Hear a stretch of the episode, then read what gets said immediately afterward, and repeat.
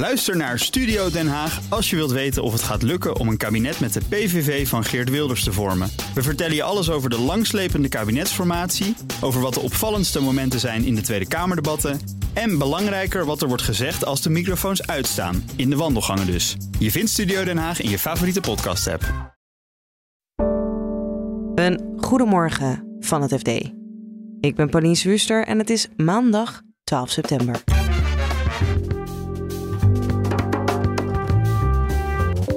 Beleggers voelen zich benadeeld door Philips. Is Philips bereid om te praten over een schadeloosstelling voor beleggers? De politiek moet gaan beslissen over de nieuwe pensioenwet. En dat is het moment waarop allerlei groepen gaan zeggen: ja, maar, maar ik heb iets gemist of ja, maar ik loop iets mis. En de renteverhoging van de ECB zorgt waarschijnlijk ook voor hogere hypotheekrentes. De tijd van die iets hogere hypotheekrente lijkt daarmee ook eh, nog, niet, eh, nog niet voorbij voorlopig. Dit is de dagkoers van het FD.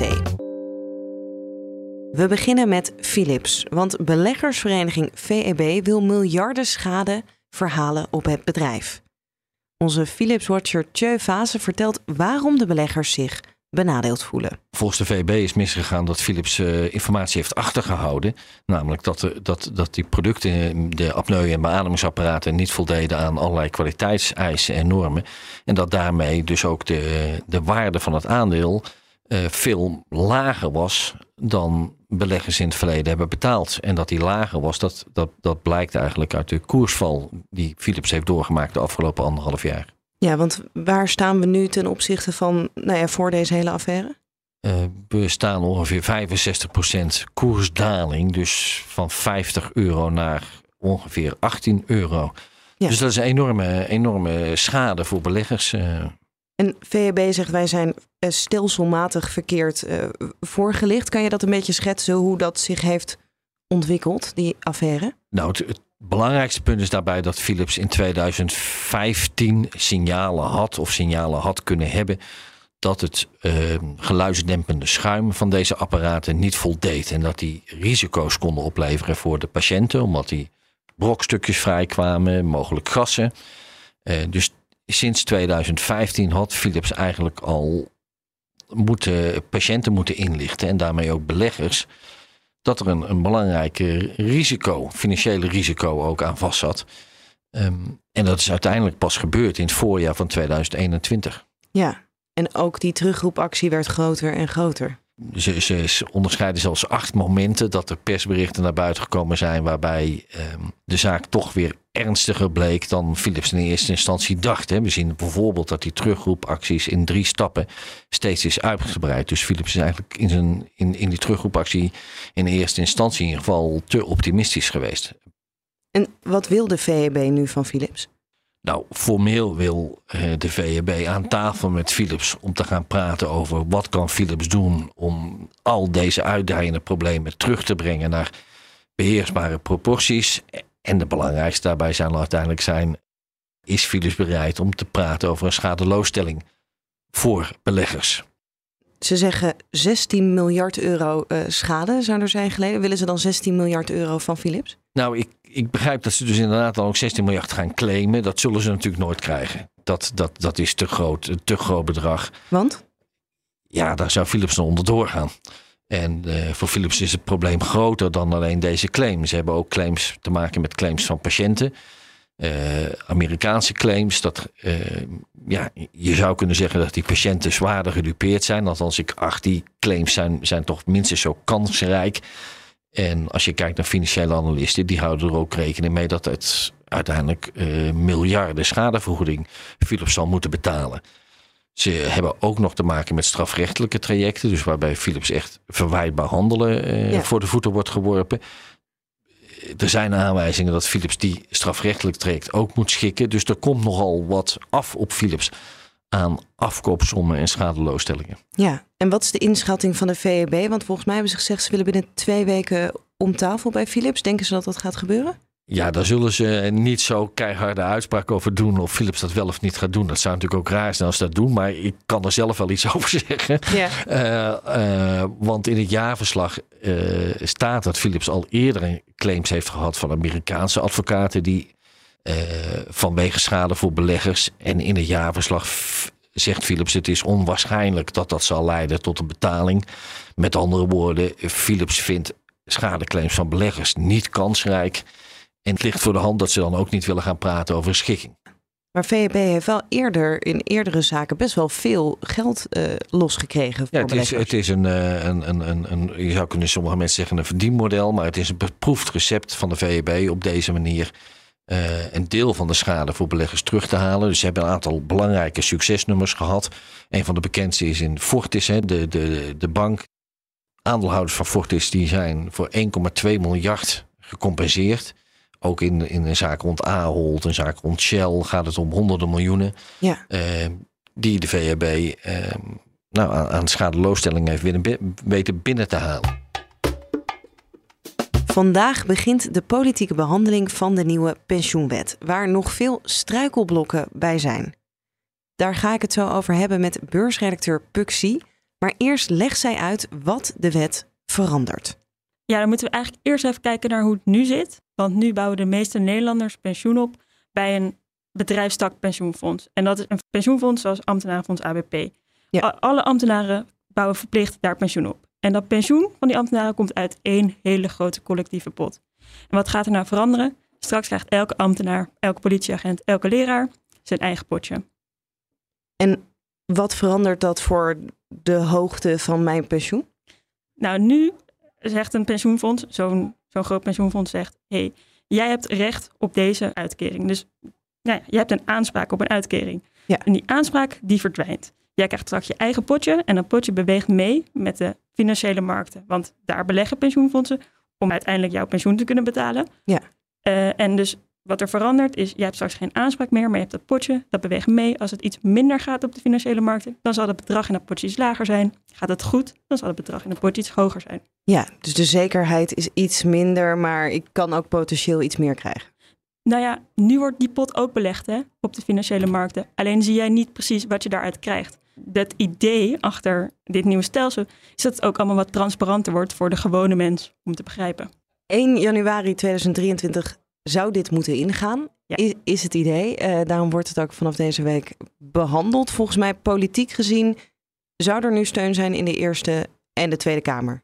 Ja, dus de coalitie, dus VVD, D66, CDA en ChristenUnie, die zijn voor. En vooralsnog voelen GroenLinks en PvdA, oppositiepartijen, ook wel wat voor dit nieuwe stelsel. Nou zijn er verschillende partijen die nog allerlei bedenkingen hebben bij uh, deze pensioenwet. Eén daarvan is, moet die er überhaupt uh, komen? Waarom zou die er niet moeten komen? Er zijn allerlei redenen voor dit nieuwe stelsel. En één daarvan is het idee van, nou, in dat nieuwe stelsel kunnen de pensioenen misschien wat sneller omhoog.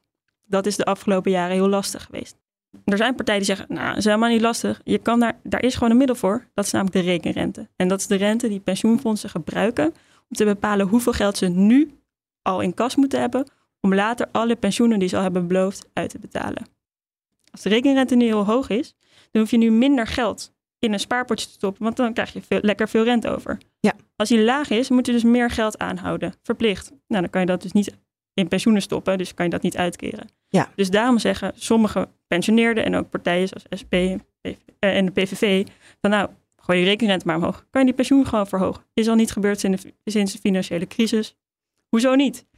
De andere kant van het verhaal is, je kan die rekenrente wel verhogen, maar daar kleeft een risico aan. En dat risico, die rekening van dat risico, die verschuift naar toekomstige generaties. Ja, want stel dat het niet uitpakt hoe jij had voorspeld dat het uitpakte, dan is dat geld er straks niet voor ons. Precies. Ja. Nog een andere discussie is uh, de ZZP'ers in principe ja, bouwen die niet in dit soort fondsen pensioen op. Wat, wat zou dan, wat wil men daar dan mee? Het idee achter deze wet was ook om hem beter te laten aansluiten op de huidige arbeidsmarkt. En die is een stuk flexibeler dan 30 jaar geleden.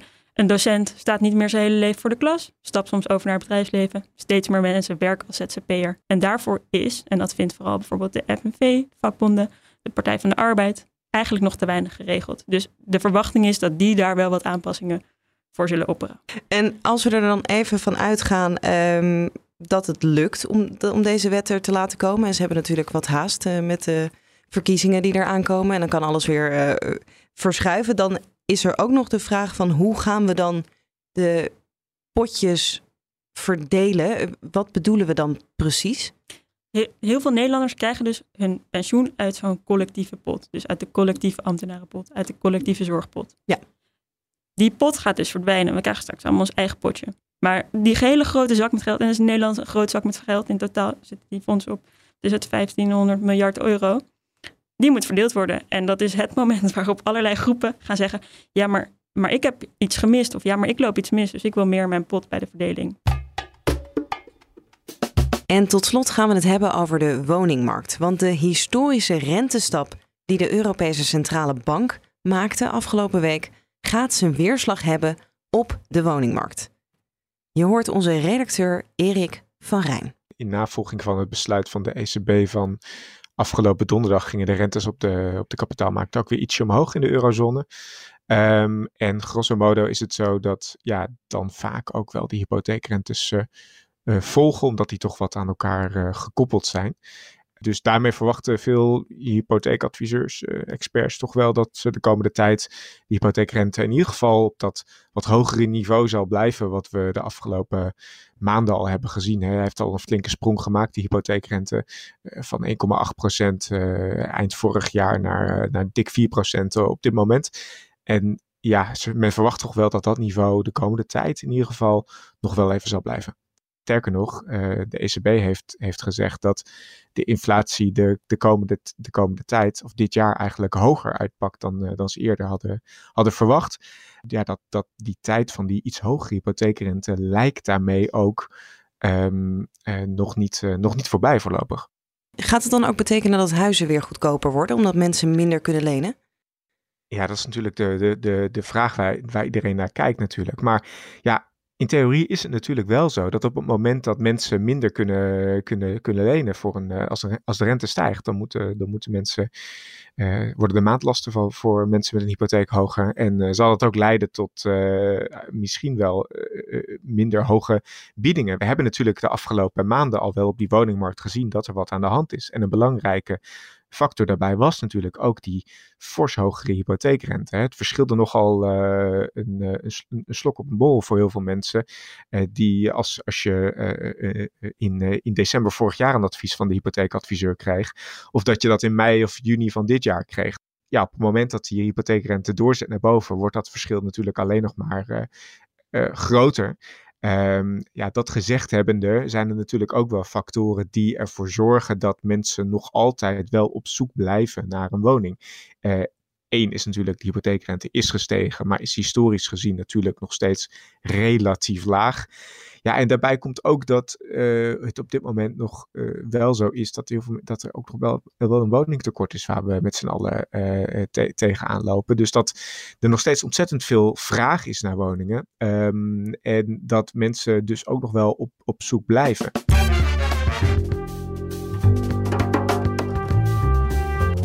Dit was de dagkoers van het FD. Je kunt op deze podcast reageren door te mailen naar podcast.fd.nl. En je kunt ons volgen als je ons even opzoekt in je podcast-app en klikt op abonneren. Daar vind je dan ook onze show notes en daar vind je dan weer de artikelen in van Tjeu, Puk en Erik. En je kan natuurlijk ook altijd gaan naar fd.nl. Morgenochtend is dagkoers er weer. Voor nu een hele fijne dag en graag tot morgen.